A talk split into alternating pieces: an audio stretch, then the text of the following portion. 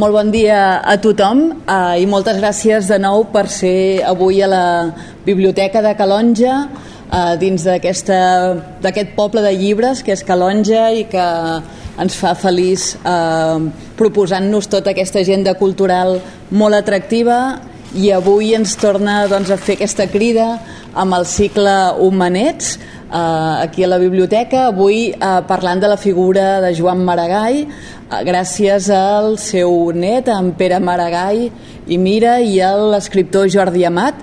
Uh, degut a uns contratemps a l'autopista uh, hem tingut que començar doncs, la sessió amb, uh, més tard, uh, per tant disculpeu a tots els presents. Doncs l'espera uh, o, o us agraïm vaja l'espera uh, sobretot en en Pere i en Jordi que em consta que fa més de dues hores que estaven enganxats a, a l'autopista. Per tant moltíssimes gràcies per ser aquí.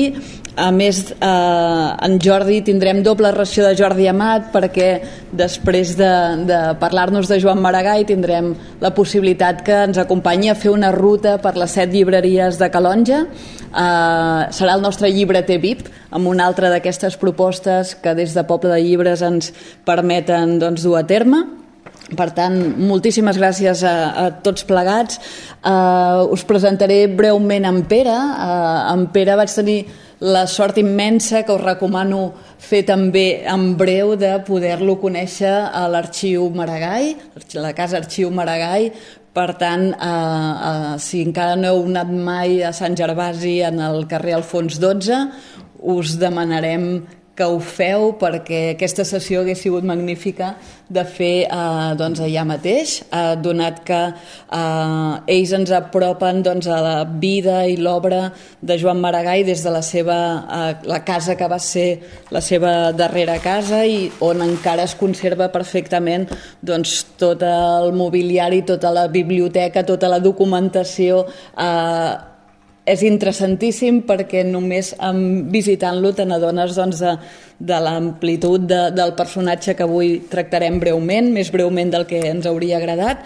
Um, fan també eh, escenogràficament eh, unes trobades que en Pere eh, doncs ara ens indicarà a més ell és pedagog és, és professor eh, sent doncs, aquest, aquesta passió no? per, per explicar-nos la figura del seu avi d'una forma propera molt millor que segurament ens ho hauran fet els nostres professors de literatura no? que segur que va ser doncs, el personatge de, de molts temaris que, que vam que vam poder aprendre, més enllà també dels del poeta no? popular que, que tots més o menys coneixem i, i, i ens hem amarat d'alguns de, dels seus poemes.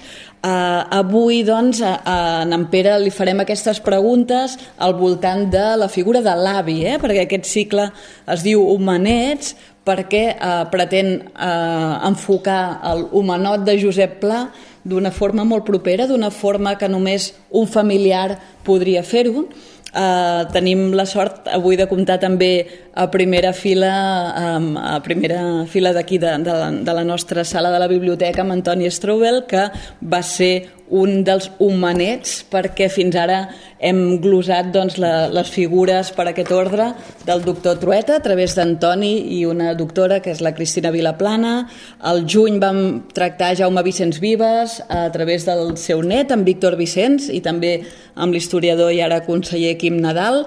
El passat mes d'octubre vam parlar de Salvador Espriu, de la mà del seu nebot, en Salvador Bonet Espriu, i la Montse Cava, que és la directora del Centre de Documentació Espriu, i avui tenim la sort de tenir eh, doncs, un net i un eh, especialista. Eh, en Jordi Amat eh, us el presentaré breument, eh, i després, com que serà el nostre llibreter VIP, doncs ja, ja en parlarem Mm, tinc aquí algunes obres, però com que hem d'anar per feina perquè anem, teniu tots moltes ganes d'escoltar en Pere, el, les, les primeres preguntes que, que fem en aquest cicle van enfocades doncs, a, a donar record eh, i pas eh, que la família Maragall, en concret eh, el net convidat avui, en Pere, eh, ha percebut i ha, i ha conegut doncs, de la figura del seu avi que vulgui destacar en aquest entorn més familiar, en aquest entorn que segurament no, no llegirem a les biografies que, que hem desplegat avui aquí a la biblioteca. Moltes gràcies i benvingut. Gràcies. Moltes gràcies. Mm. La, jo he tingut el privilegi de poder estar bastants anys explicant i fent visites escolars a l'arxiu Joan Maragall de, de, de Sant Gervasi, del carrer Alfons 12, i és on jo tinc records de petit de la transmissió que em va arribar a través dels pa meus pares i de les meves ties, les filles de Joan Maragall, que van viure en aquella casa molts anys eh, i van conservar tot el llegat de, de, del meu avi. La casa Arxiu Joan Maragall té la particularitat de que és dels pocs llocs on hi ha la casa museu, la, la casa amb mobles antics, quadres, etc, on es respira una mica l'atmosfera aquesta de la família encara i eh, a la vegada es conserva l'arxiu, el fons documental, eh? allà està tot conservat i això és gràcies a la, la decisió presa que va tenir la meva àvia Clara. Quan, ell, quan Joan Margall va morir ella tenia 38 anys 13 fills. I és, és, una, és una persona que és clau per entendre aquest llegat i aquesta transmissió que hi ha hagut. Ella va ser la, prim, la que va fer les primeres obres completes a l'editorial Gustau Gili i eh, va fer possible que es conservessin, que es recuperessin, per exemple, les cartes. Les cartes que Joan Margall havia enviat es van recuperar en gran part. I hi ha un més d'un miler de cartes que estan eh, conservades i que actualment la Biblioteca de Catalunya, que és la que gestiona l'arxiu, ha digitalitzat. O sigui, es poden trobar fàcilment a través de la pàgina de la biblioteca. És clar, jo, quan parlo del meu avi, he de parlar primer de com, de petit, en tenia notícia més o menys vaga, diríem, per la, per la família, de com a l'escola em demanaven, per exemple, tu que ets maragall has de recitar la vaca cega. I a mi em venia una mica, una mica gran això, o sigui... Però després, clar, de jove, els interessos van anar cap a una altra banda. I vaig interessar-me, per exemple, més per Salvador Espriu en un primer moment, perquè el sentíem cantat per Raimon en aquella època de la clandestinitat i de la lluita antifranquista, i va ser després, a la llarga, quan ja vaig, la meva situació professional em va portar a fer de professor d'institut i de llengua i literatura catalana, que vaig estudiar la figura del meu avi i vaig poder trobar, que això sí que són unes fites en la meva relació amb, amb la figura del meu avi, una transmissió que és curiós perquè és la transmissió que es va fer a través de els dos fills petits de Joan Maragall. Gabriel Maragall, farmacèutic, i Jordi Maragall, el meu pare. Ells no van conèixer el meu avi, uh. -huh. perquè eren molt petits quan, quan ell va morir però en canvi van ser de la família els que més es van interessar per la figura de, del seu pare. I, bueno, ja, per exemple, ara he vist per aquí que hi havia la, la biografia, l'esbós biogràfic sí, sí, sí.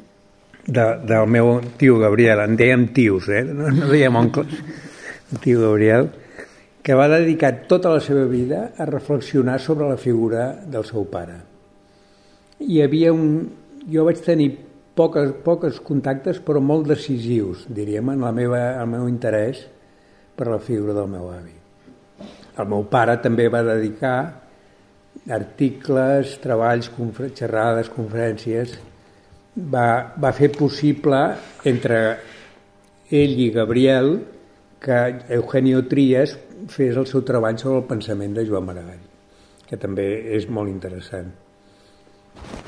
Clar, a mi el, el, són molts records, diríem, de, de quan nosaltres vivíem al jardí, o sigui, donàvem al jardí, on hi havia també la casa, la casa gran, la, la que en dèiem casa gran.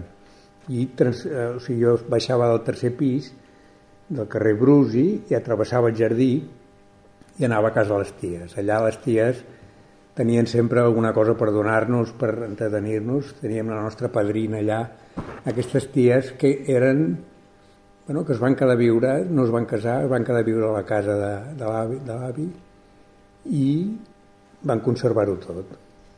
Mm. Això va durar fins que el 1990 va morir l'última filla, la Tiana, llavors això ja s'havia decidit perquè l'àvia Clara havia, fet, havia posat el testament que tot el llegat passés a, a ser públic i va ser la Biblioteca de Catalunya. Es va adoptar en un primer moment de si, de si, es posaria, de si us donaria l'Ajuntament, uh mhm. -huh. però en aquell moment era el, Pasqual era l'alcalde i va considerar que, que, no, que, no, que no era correcte. No? Ah, mira. Sí, sí, sí. Sí, sí, sí, perquè va, va haver un moment que sí que es va, o s'havia pensat anteriorment. Però el cas és que va passar a ser de la Biblioteca de Catalunya, que és la que gestiona actualment el fons. És clar, es podria parlar molt més, però no sé si... si... Sí, jo, jo continuo, sí. sí, sí, sí, si us sembla, uh, perquè tenim, tenim aquí una, una bateria de, de, de preguntes. Uh, abans de la introducció no he explicat una mica uh, el vincle no?, entre Pla i Maragall, uh, partint des de la fascinació, no? que penso que seria la paraula clau en aquest cas. Uh, Pla el 23 va, va escriure ja el primer article en una revista francesa donant comptes doncs, del, del personatge. El 26 va fer un retrat a Llanterna Màgica. Uh -huh. El 60 l'Humanot a Selecta, a la sisena sèrie. I el 68 va escriure Joan Maragall un assaig que per sort doncs, eh, Destino va reeditar el 2011, si no recordo malament, i eh, va incorporar-hi un magnífic pròleg del senyor que, que en Pere té al costat, d'en Jordi Amat, que avui ens acompanya, i que aquest pròleg eh, que es titula Joan Maragall eh, fa, ai, perdó, Josep Plaza fa patchwork mm. doncs eh, relata perfectament eh, o, o sintetitza molt bé aquesta figura i si, si et sembla Jordi si, si ens pots fer eh, una petita introducció a com vas eh, enfocar aquest pròleg, ah. què és el que et va semblar més interessant recollir uh però abans una, una, una prèvia que no té a veure amb el, amb el camió de les taronges, mhm. però eh, el, el, el Pere i jo vam estudiar a la mateixa escola. Ostres. Sí. Virtèlia. No, Sant Gregori. Sant Gregori. Sant Gregori. Amb, amb, amb algun, alguns pocs anys de, de diferència, però jo d'aquestes coses que es, que, que, que es fan a les escoles o que es feien, el, el, el poema que més recordo que em van ensenyar, que ens vam haver d'aprendre de memòria, era la ginesta de Joan Maragall. No era la vaca cega, sinó era la, la, ginesta. la ginesta de Joan Maragall. Sí. I, bueno, i, i per, per què van, uh, van decidir que fos aquell poema? No? És, és aquell poema perquè un poema d'aquell escriptor. I jo i tenia a veure amb una, amb una idea de, de la cultura que, que se'ns transmetia a l'escola, però que crec que, que no era exclusiva d'aquella escola, sinó d'un patriarca de la cultura catalana, d'acord? Uh, uh, honorable per molts motius. O sigui, un, un homenot que ho era per, uh, per, per molts motius i, i llavors uh, sé que hi ha, hi ha un llibre del, del, del Jaume Sobirana que es diu Construir com palabres eh, on parla del, de la figura del poeta nacional i de quina manera ca, ca, capilaritzen en, en les geografies del país i quina és la presència en els nomenclàtors amb noms de biblioteques, amb noms d'escoles. Mm -hmm. I clar, Joan Maragall és, és, és, és, és, és, és fonamental. I llavors jo, jo crec que el, la, la meva idea de Maragall de partida és aquesta. És a dir, és, el, és, és, és, és, un, és un, és un mm -hmm. pare fundador de, de la cultura catalana amb una conducta cívica exemplar. Llavors aquest és el, a, la, a, la, a la pregunta que tu feies sobre el, sobre el, el, el pròleg, que és un pròleg, un llibre de, de Josep Pla, li, li va costar molt fer aquest llibre a Pla. O sigui, tenia la idea de fer-lo durant molt de temps i, i no se'n va sortir i a banda d'aquests textos que havia escrit el, quan, quan comença a fer d'escriptor ell després de la Guerra Civil eh, una idea que té clara és que es posa en part el país a l'esquena o la memòria del país a l'esquena i que la rescatarà fent biografies d'algunes figures emblemàtiques del modernisme i des de molt d'hora ell té la idea de fer un llibre de, de Josep Pla. Però no se'n surt i de fet el llibre no es publica en vida seva mai de manera independent. És en un, en un volum de, de l'obra completa i no és exactament una biografia sinó és un llibre que eh, barreja moltes coses. Llavors jo el que tenia eh, clar i vaig, vaig tenir una, una fantasia durant un temps de que era un llibre que s'havia de fer era de quina manera al llarg del temps Maragall havia estat per la cultura catalana el personatge referencial. És a dir, i com quines diverses versions s'havien eh, escrit sobre el, sobre el personatge i, i vaja, el que pretenia el pròleg era veure quina era la imatge que, que en construïa Pla eh, tant literària com ideològicament tenint en compte que és un llibre escrit l'any 1968 i deia el que podia dir que no podia dir tantes coses Molt bé.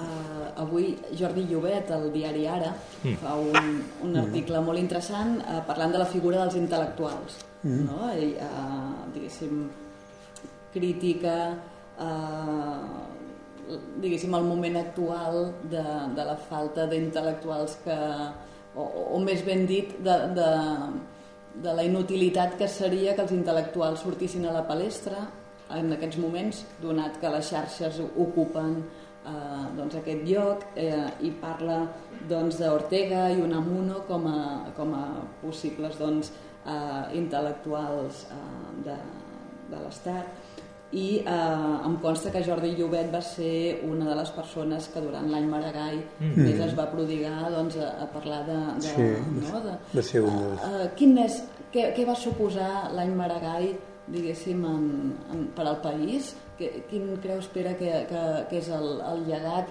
Què, considereu Mm, tant personalment com familiarment que es podria fer més mm. per parlar d'aquest Maragall més polièdric perquè mm. uh, quan en Jordi ha començat amb la ginesta jo també tinc no? el Joan Maragall, ah sí la ginesta, la vaca cega no? Mm. Uh, per què no s'ha parlat potser massa del seu llegat intel·lectual o, o prou?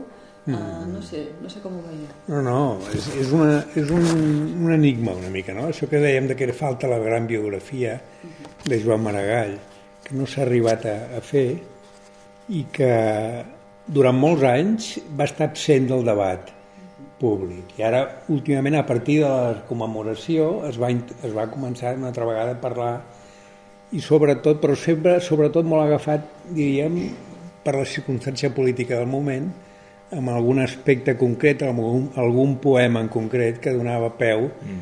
a, a reivindicar-lo. Però, però hi ha una figura de fons que, que està pendent de descobrir, diríem, i que, per exemple, els articles, que són interessantíssims i són molt vigents encara, no hi ha, no hi ha edicions.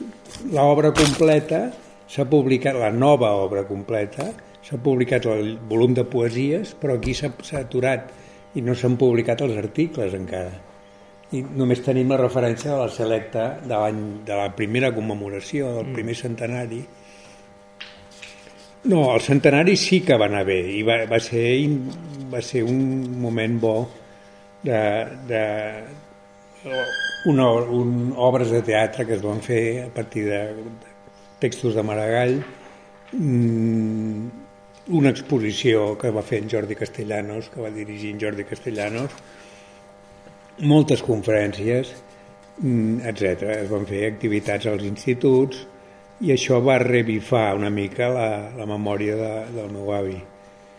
Però jo crec que encara està pendent, encara està pendent de la gran biografia, la, la biografia defin, més definitiva. Hi ha la, la, el llibre d'Ignasi Moreta, no sé si el coneixeu, Ignasi Moreta fa no, la, tesi, la seva tesi era que, que agafa el títol, el títol d'un poema de Maragall que és el Dimecres de Cendra. No et facis posar cendra, ens fa que diu i que és potser el llibre més complet sobre la trajectòria de Maragall però que no arriba a ser aquesta gran biografia. I en fi es podria parlar llarg d'aquesta mancança o d'aquesta absència. Clar, el tema dels intel·lectuals avui en dia està, està molt, està molt, molt, Sí, sí. Jo, jo el que puc dir és que, per exemple, una constatació molt senzilla. Jo he fet aquestes visites a l'arxiu durant molts anys. Últimament venen grups de literatura dels, dels instituts que tenien com a lectura obligatòria, entre altres llibres, Visions i cants de Joan Maragall. Doncs bé, ara això està en qüestió i és possible que l'any que ve ja no hi hagi llibres obligatoris, es veu, per lo que, les notícies que m'arriben. Mm, clar, no sé, és, és una situació que no, que no és massa esperançadora en aquest sentit. Però jo el que considero és que val la pena fer, fer aquesta feina de transmissió des, de, des dels nostres àmbits de cadascú, no? De... Aquí donem un cop de colze al senyor Amat, eh, que com sabeu doncs, eh, té un, una tirada cap a les biografies i, i per sort doncs, de tant en tant ens, ens proveu de, de, de bon material literari. Eh, no sé, Jordi, eh, en tots aquests personatges que durant aquests anys has anat doncs, treballant, Gaziel, Ferreter, Ridruejo, Benet, eh, quin és el llegat que més t'ha sorprès o quina és la connexió que dius eh, creus que ens pots compartir a nivell de dir, ostres, sí, Joan Maragall ha estat Home. clau en... En el, en el cas de, de Josep Benet és molt important. El, jo, jo, sobre la pregunta que formulaves de, dels intel·lectuals, jo el, el primer llibre adult que llegeixo de, de Joan Maragall, que era un llibre que no trobava a les llibreries, era la correspondència amb Unamuno que és la correspondència que es creu entre 1900 i 1911, eh, esplèndida, eh, i que els dos s'estimen molt. És a dir, els dos prenen consciència a través de les... perquè es veuen, em sembla, una, una o dues vegades, diria que es veuen el 1906, si no recordo sí, malament, quan sí. hi havia per solidaritat catalana. I, però hi ha una consciència de, de que s'han trobat dos esperits que no, no, no similars però que, però que volen confluir i és una correspondència eh, molt honesta i com a diàleg intel·lectual jo és de les millors que conec de la, de la nostra tradició cultural i és, és, és esplèndid i, i si no recordo malament el Pere la va reeditar eh, o, eh, no, no, Carles Bastons el Carles Bastons Carles però, Bastons, però hi escrivies sí. sí.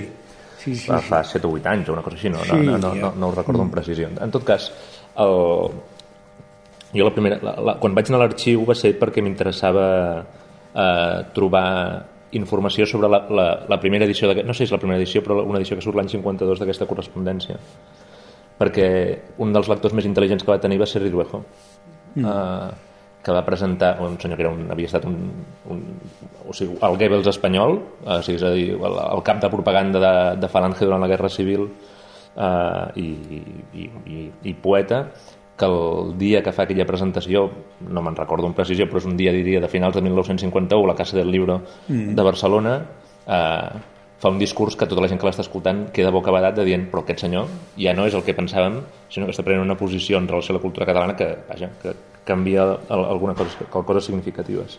I jo volia saber com havia anat tota la qüestió aquesta de, del, per, per fer perquè m'interessava la, la figura i perquè allò posa, activa un, un moment de diàleg intel·lectual eh, singular en el, en el context de la dictadura. Però el, el personatge que he estudiat per qui més ha estat referencial, de fet, jo crec que va ser un mirall, un mirall amb qui volia contemplar-se, és, és Josep Benet. Uh, uh, Josep Benet, que el, el primer llibre que és, és bueno, ja segur, molt segurament el, el coneixeu, és uh, un senyor que es dedica, que és fonamentalment advocat, o públicament és, és un advocat, però jo no conec cap cas d'antifranquista nacionalista que tingués una trajectòria tan llarga i tan fecunda, mm. perquè com a mínim des de 1943 es pot evidenciar que ja tenia activitat eh, en, contra la dictadura.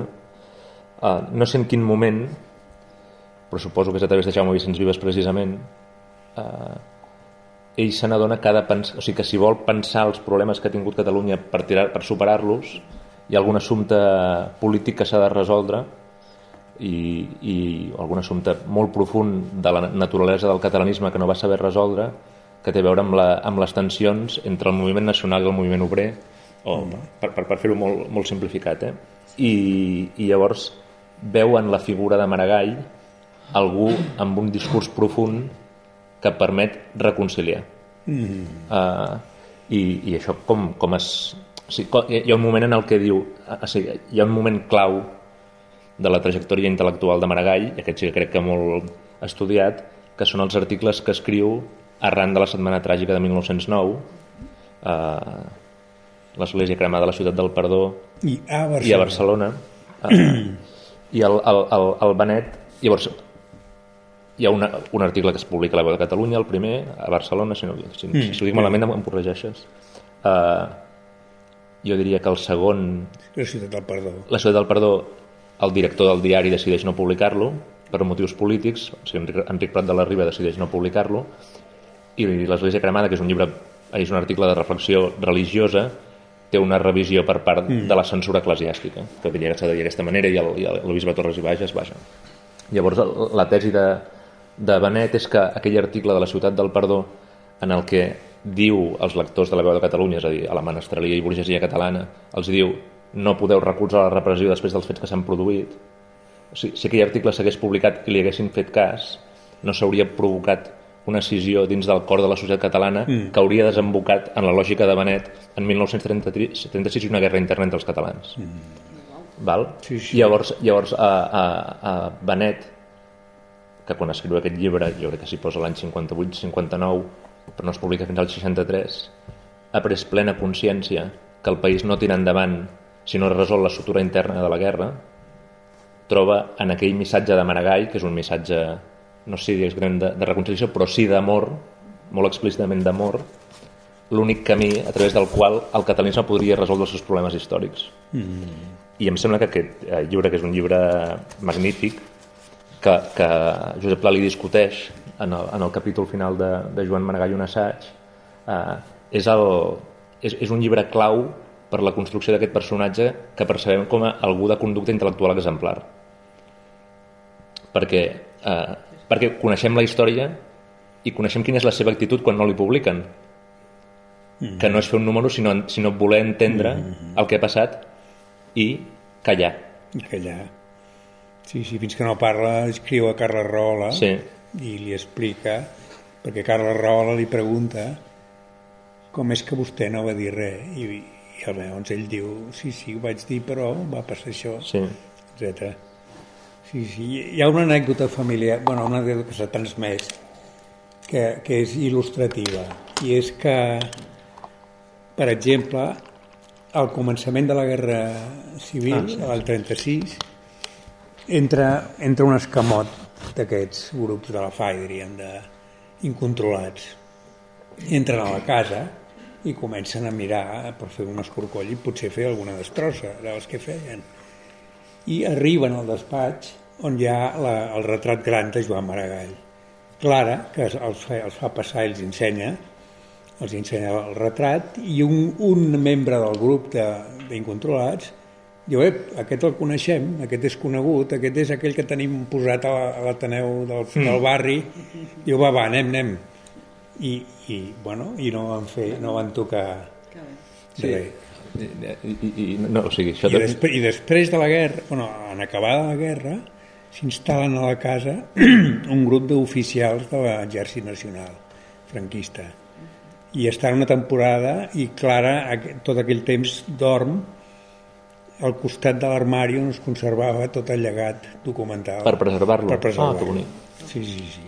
I, i, i després hi ha o sigui, de, de, de, de quina manera perviu eh, amb una memòria mítica, en el, en el millor sentit de la paraula, eh, jo, si, si, si, eh, si eh, tingués, eh, si fos productor de cinema i volgués fer una pel·lícula sobre un dels moments més emocionants de la història de la cultura catalana, és precisament durant la Guerra Civil la lectura de la tesi doctoral de Carles Riba, mm. que fa, la fa a la, a la, a la, a la plaça Universitat de l'edifici de la Gran Via, perquè mentre està llegint, i a tots els intel·lectuals catalans del moment, hi ha bombardejos. Mm -hmm.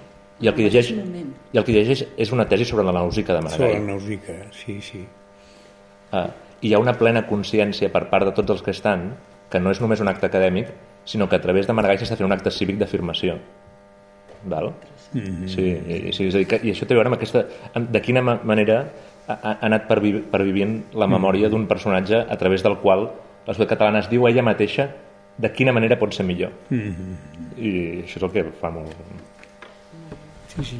Deixeu-me per això fer un gir. Uh, no tenim donotes, uh, entre, entre l'obra de, de Josep Pla, però avui amb Joan Maragall és imprescindible parlar de Clara, de no? Clara, sí, I, sí. ja, ja, en Pere ja, ja n'ha parlat, però Uh, també existeix des de fa pocs anys les, les, la publicació aquesta de cartes del festeig mm. que, que em sembla interessantíssim perquè dona aquesta, aquesta visió més humana, no? sí. que és una mica el que pretenem amb aquest cicle d'humanets, no?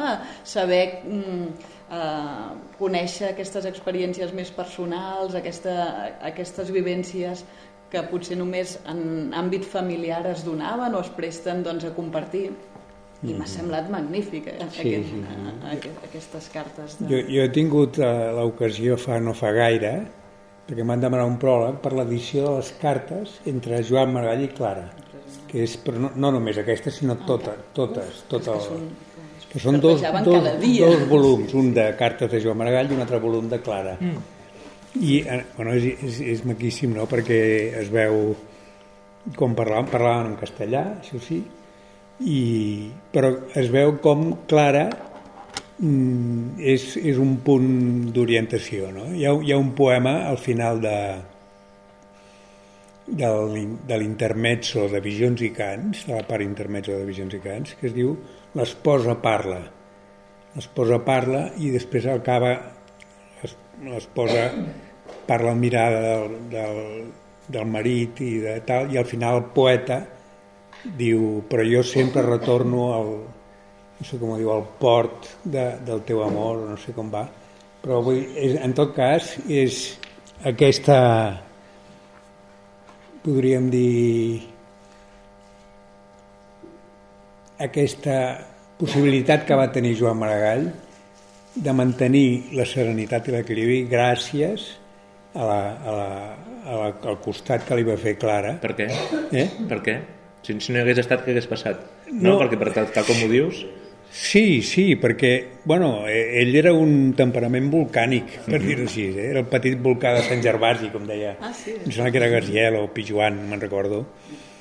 I, i necessitava mantenir la serenitat en el, al voltant, en el seu entorn immediat. I Clara li donava aquesta serenitat. I alhora ella també s'angoixava i ell, i ho explica un amuno, diu, ell també havia de mantenir-se impassible en moments de, no sé, que tota la família es posava malalts, per exemple, els, els, els nens començaven a tossir en aquella casa, hi ha unes notes de dietari, sí. Sí, sí, sí. I ell mantenia, o sigui, per fora una actitud de, de fermesa i tal, però és que Clara, bueno, és, és preciós, perquè és, portaven forces anys, 13 o 14 12 anys. 12, 12 anys, sí, sí. 12, re, llegeix, si ell, em permeteu, ell... llegeixo quatre, sí, sí. quatre línies, perquè és que uh, m'ha sorprès tant no? que, que, que el personatge Joan Maragall que, que tots tenim inoculat escrigui mm -hmm. a, a, aquestes frases que, que, que us recomano molt el llibre uh, de, de juliol del 1891 uh, Diares Clara Cuando yo digo que eres encantadora, ya sé lo que me digo, y quisiera contestar a tus lindas cartitas cara a cara para expresarte mejor lo que te quiero, niña mía, porque por mucho que me complazcan tus cartas, la verdad es que yo estoy cansado de hablar con papeles. y lo que yo quiero delante de mí es a mi Clarita en carne y hueso. No? sí, sí, és una persona que, que, que contrasta amb, amb aquest senyor dels quadres, no? de, la, de la imatge mm. que Ruïra, d'altra banda, no? descriu imperturbable, sí. mm. l'humanot no? que tenim al cap. Sí, sí. No, no, de fet, mm, els records que té el meu pare, per exemple, el tio Gabriel, uh -huh. que també reprodueix en el llibre de la biografia, eh, és un record d'una persona mm, molt més aviat reservada, callada, uh -huh. Però en canvi capaç de portar tota la nau, la nau familiar aquesta, que, i, i que sempre més, després es, això es va traslladar a la filla Helena, que va fer com de mare també, sigui, perquè ella es va quedar, em sembla que tenia 18 anys quan el seu pare va morir, Helena, i, i va fer tota la vida. Jo la recordo mm, portant minuciosament un recompte dels fills que anaven naixent, o sigui, dels més de 40 nets, més de 40 nets que hem arribat a ser, de tots els àlbums de fotografies, etc i tot i, i anant a col·laborar a treballar a la sala Parés també amb el, ah. amb el tio Joan Anton i bueno, la figura que més en, em remet a Clara és aquesta figura d'Helena, la filla gran i com eh, quan, quan va morir el, el teu avi sí. que hi havia 13 nens a casa sí, sí. la família com va tirar endavant? van tirar endavant perquè tenien encara la renda de la fàbrica. Uh mhm. -huh. podien, podien, sí.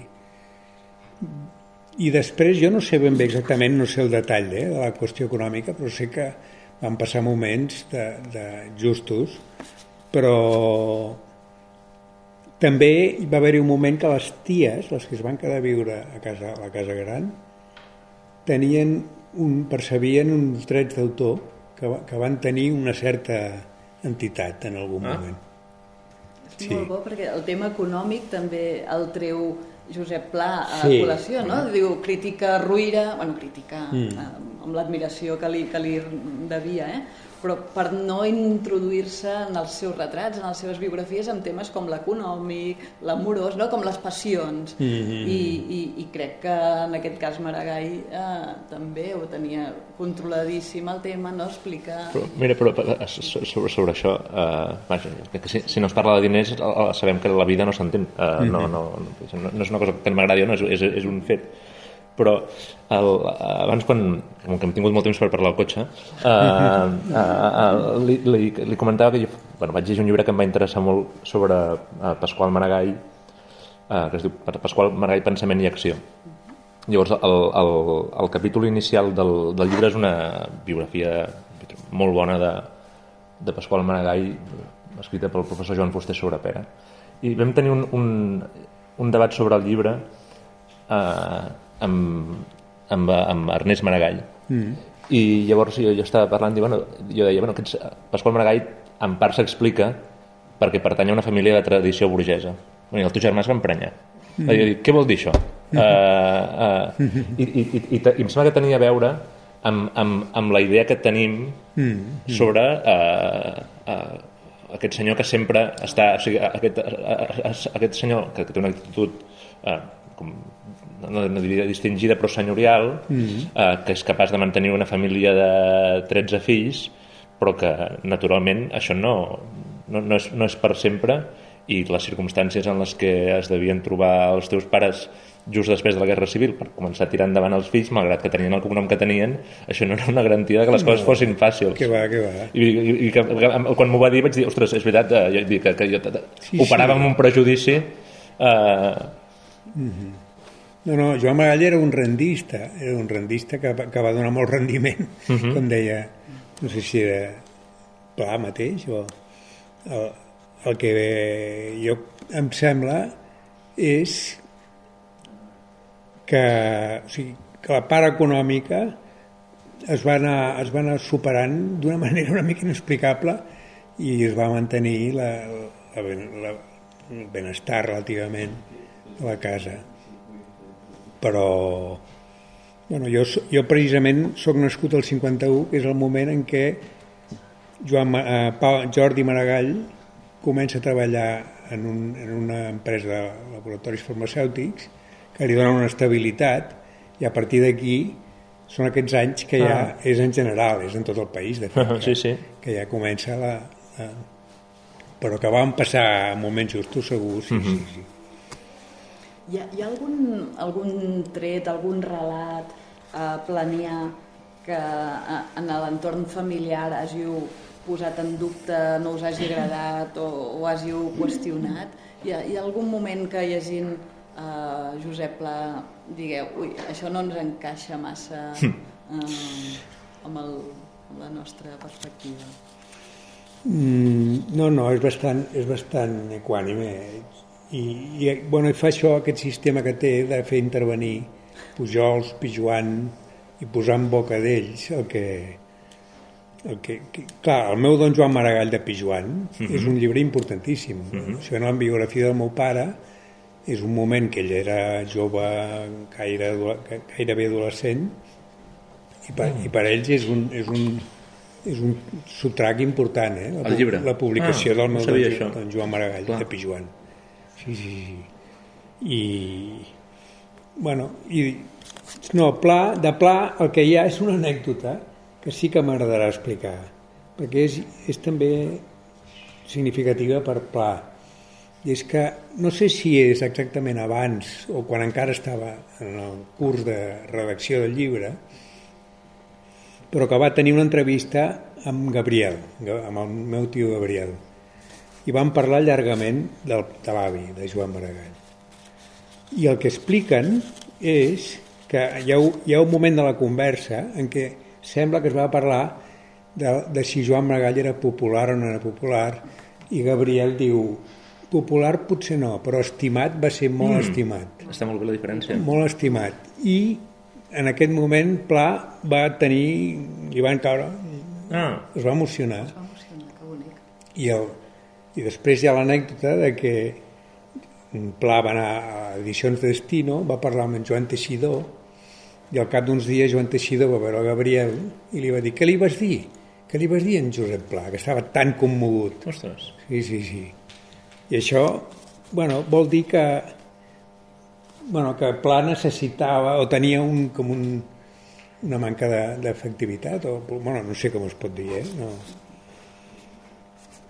Però que parla dels dos una mica, no? De,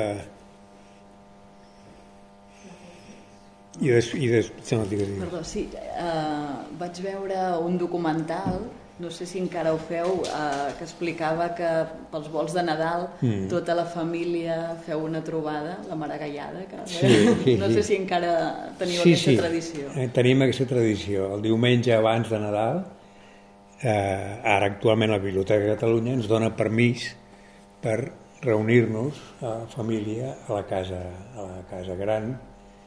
I bueno, ens reunim, no tots, però uns quants, i cantem Nadales i, en fi, sí, sí, això s'ha continuat fent i bueno, aquesta, aquesta família extensa, jo, jo aquest dia que estava escrivint un pròleg per les cartes, aquestes que es, espero, espero que es puguin publicar, de Joan Maragall a Clara, eh, posava, perquè estava escrivint a l'arxiu, i al jardí sentia unes veus d'uns nens que són que eren rebesnets, o sigui, eren fills de besnets uh -huh. de Joan Magall que, que, viuen, que viuen als pisos de sobre i, i anava sentint Clara, Clara, que cridava, una nena que, crida, que la cridaven Clara, o sigui, el nom de Clara es va transmetent i va...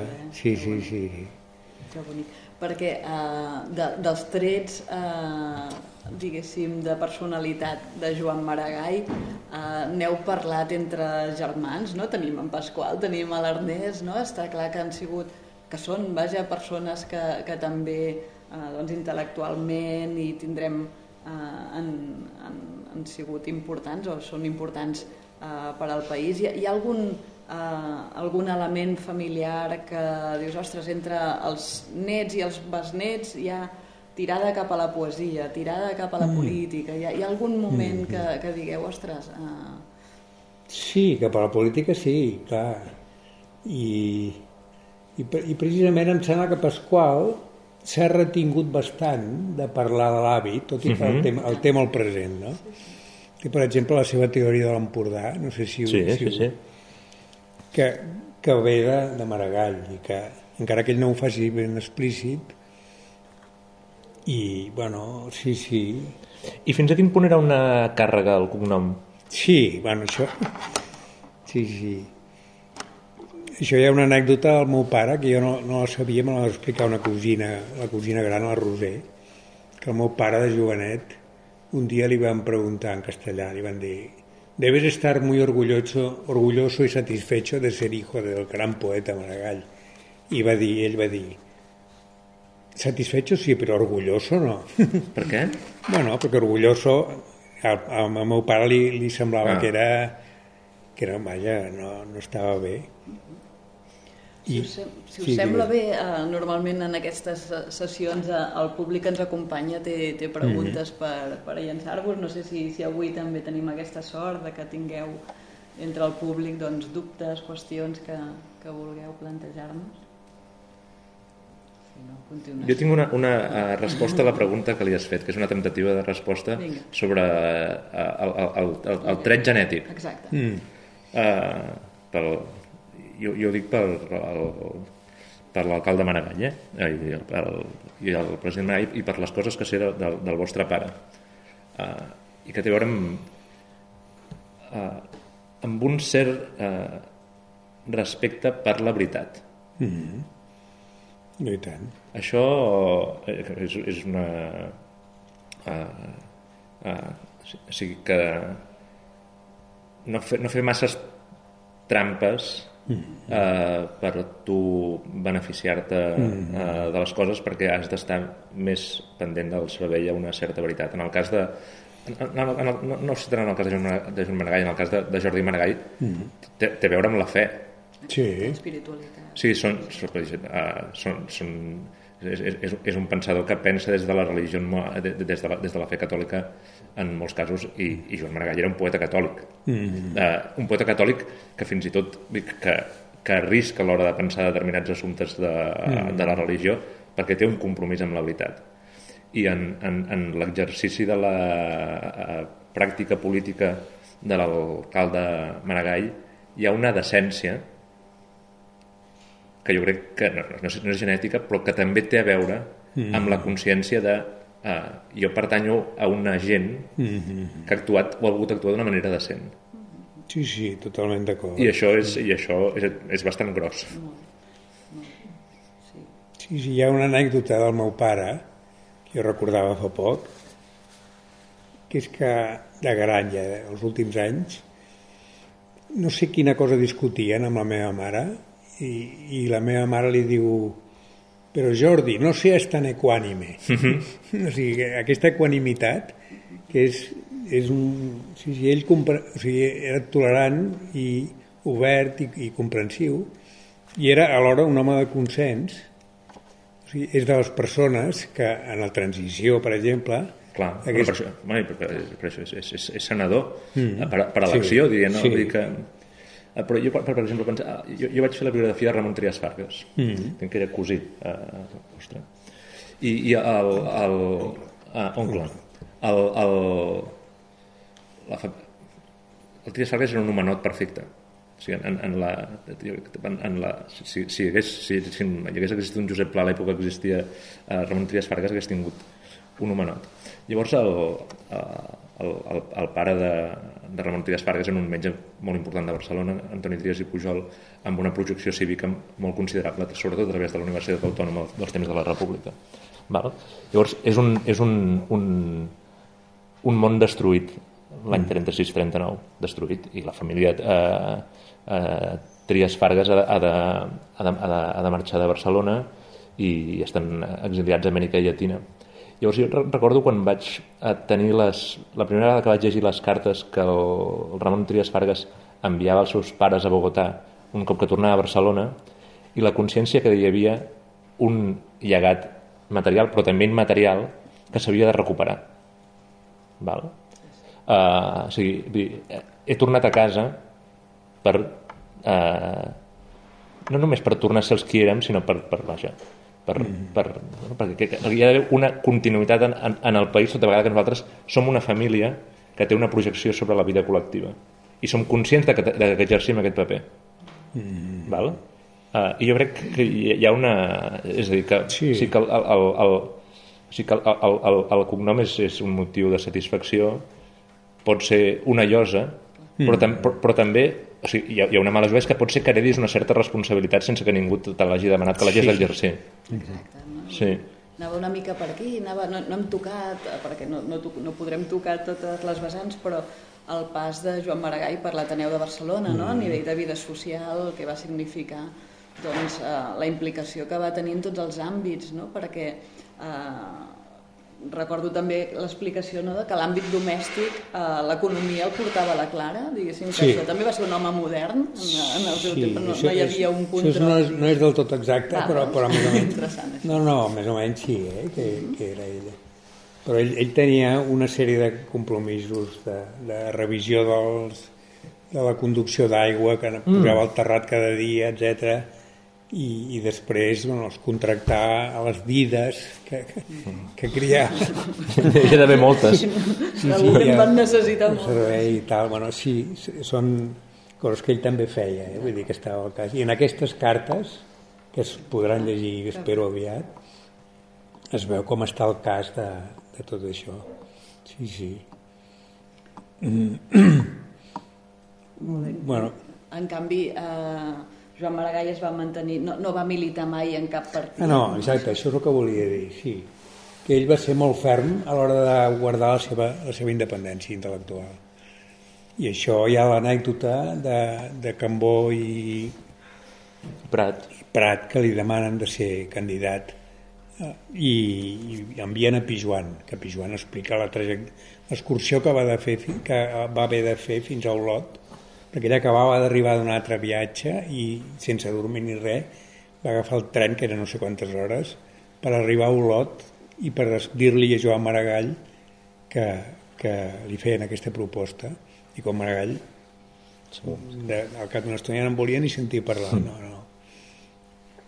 i amb això o sigui, així és com era, era molt comprensiu i molt equànime també era, sabia dir que no en, en aquests casos que Joan Maragall va morir molt jove, 51, 51 anys. Uh, i, i, I per tant el llegat uh, és impressionant amb una, amb una vida tan curta. Uh, no sé si avui uh, ha quedat gravat i ben palès que, que hi ha moltíssima feina encara per Sí. fer, la recuperació d'aquests articles, les ganes de, de llegir aquesta, aquesta, aquest recull epistolar que, que estàs uh, fent, Pere. Mm. Uh, hi ha alguna altra fita que a nivell familiar penseu que seria interessant que, que, es treballi, que el país treballés cap a recuperar doncs, uh, en algun sentit um, la, el, el llegat de Joan Maragall? Potser a nivell eh, educatiu, eh? ara comentaves que et preocupa Ah, una sí. mica el tema de, de que no es llegeixi Joan Maragall, que no, que no hi hagi aquesta... No sé. Bueno, aquest perill hi és sempre, diria, no? I és un perill, o sigui, sempre anem una mica contracorrent amb això, de les humanitats, de, de la literatura, i és una cosa que, que afecta no, no, a tothom una mica, no? a tots els autors i a tota la... I, bueno, a mi em sembla que aquesta, aquesta possibilitat de la visita a la casa, per tornar al tema del començament a la casa, és una manera bona de fer suport als professors, als, als, els que treballen a la primera línia, podríem dir, de, de, de la transmissió. I sí, sí, jo, jo sóc conscient de que això bueno, és, és, és important i ja es fa, però, però sempre es podria fer més, no? una mica més. Doncs des d'aquí ajudarem a fer-ho possible. Moltíssimes gràcies, Jordi, moltíssimes gràcies, Pere, eh, per, a, per aquest eh, testimoni, per haver participat a, en el cicle Humanets, eh, que avui potser haurem fet més breu perquè eh, ens acompanyareu, si, si, si ho considereu, a fer la ruta per les set llibreries de Calonja, de la mà de les recomanacions de Jordi Amat, i allà veurem també in situ si, si trobem obra de Joan Maragall. Ostres! Uh, perquè serà, serà divertit fer la prova del cotó. Uh, en qualsevol cas, això, moltíssimes gràcies per, a, per haver vingut fins a Calonja amb tot el que us ha costat, perquè això ha sigut un viatge... No, teníem un xòfer molt eficient, no et preocupis. Sí, sí, En dono fe. Moltíssimes gràcies a tots i fins a la propera. Gràcies. Gràcies.